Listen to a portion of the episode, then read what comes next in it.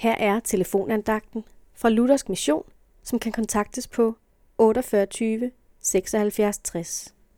Andagtholderen i dag er Hanne Rasmussen. I Paulus' brev til Romerne kapitel 12, vers 12, står der et udtryk, som måske lyder lidt fremmed, eller i hvert fald gammeldags på os. Der står, Vær glade i håbet.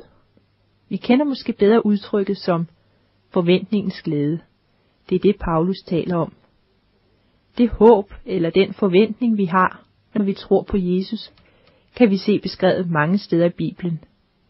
Men tydeligt står det måske nok beskrevet i den åbenbaring, Jesus modtog på Patmos. Ingen tårer, ingen sorg, ingen pine. Sikke løfter. Og så sprang jeg endda det første år, der nævnes i denne række, der beskriver den nye jord. Der står nemlig allerførst, at Gud vil bo hos menneskene. Gud vil være hos os. Det er, hvad vi har i vente. Gud snakker sandelig ikke middelmådighed. Alt bliver perfekt. Jeg kan ikke forstå dette, og hvordan det helt præcis skal blive. Vi kender jo ikke til et liv uden vanskeligheder og synd, der gør, at Gud ikke kan bo hos os.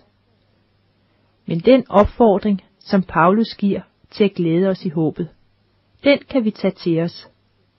Ja, vi må ikke snyde os selv for forventningens glæde. Og det bedste af alt er, at jeg er sikker på, at virkeligheden engang skal stå så rigeligt mål med forventningens glæde. Tænk, når jeg skal se Gud ansigt til ansigt. Hvilket håb. Vær altid glade i håbet. Amen.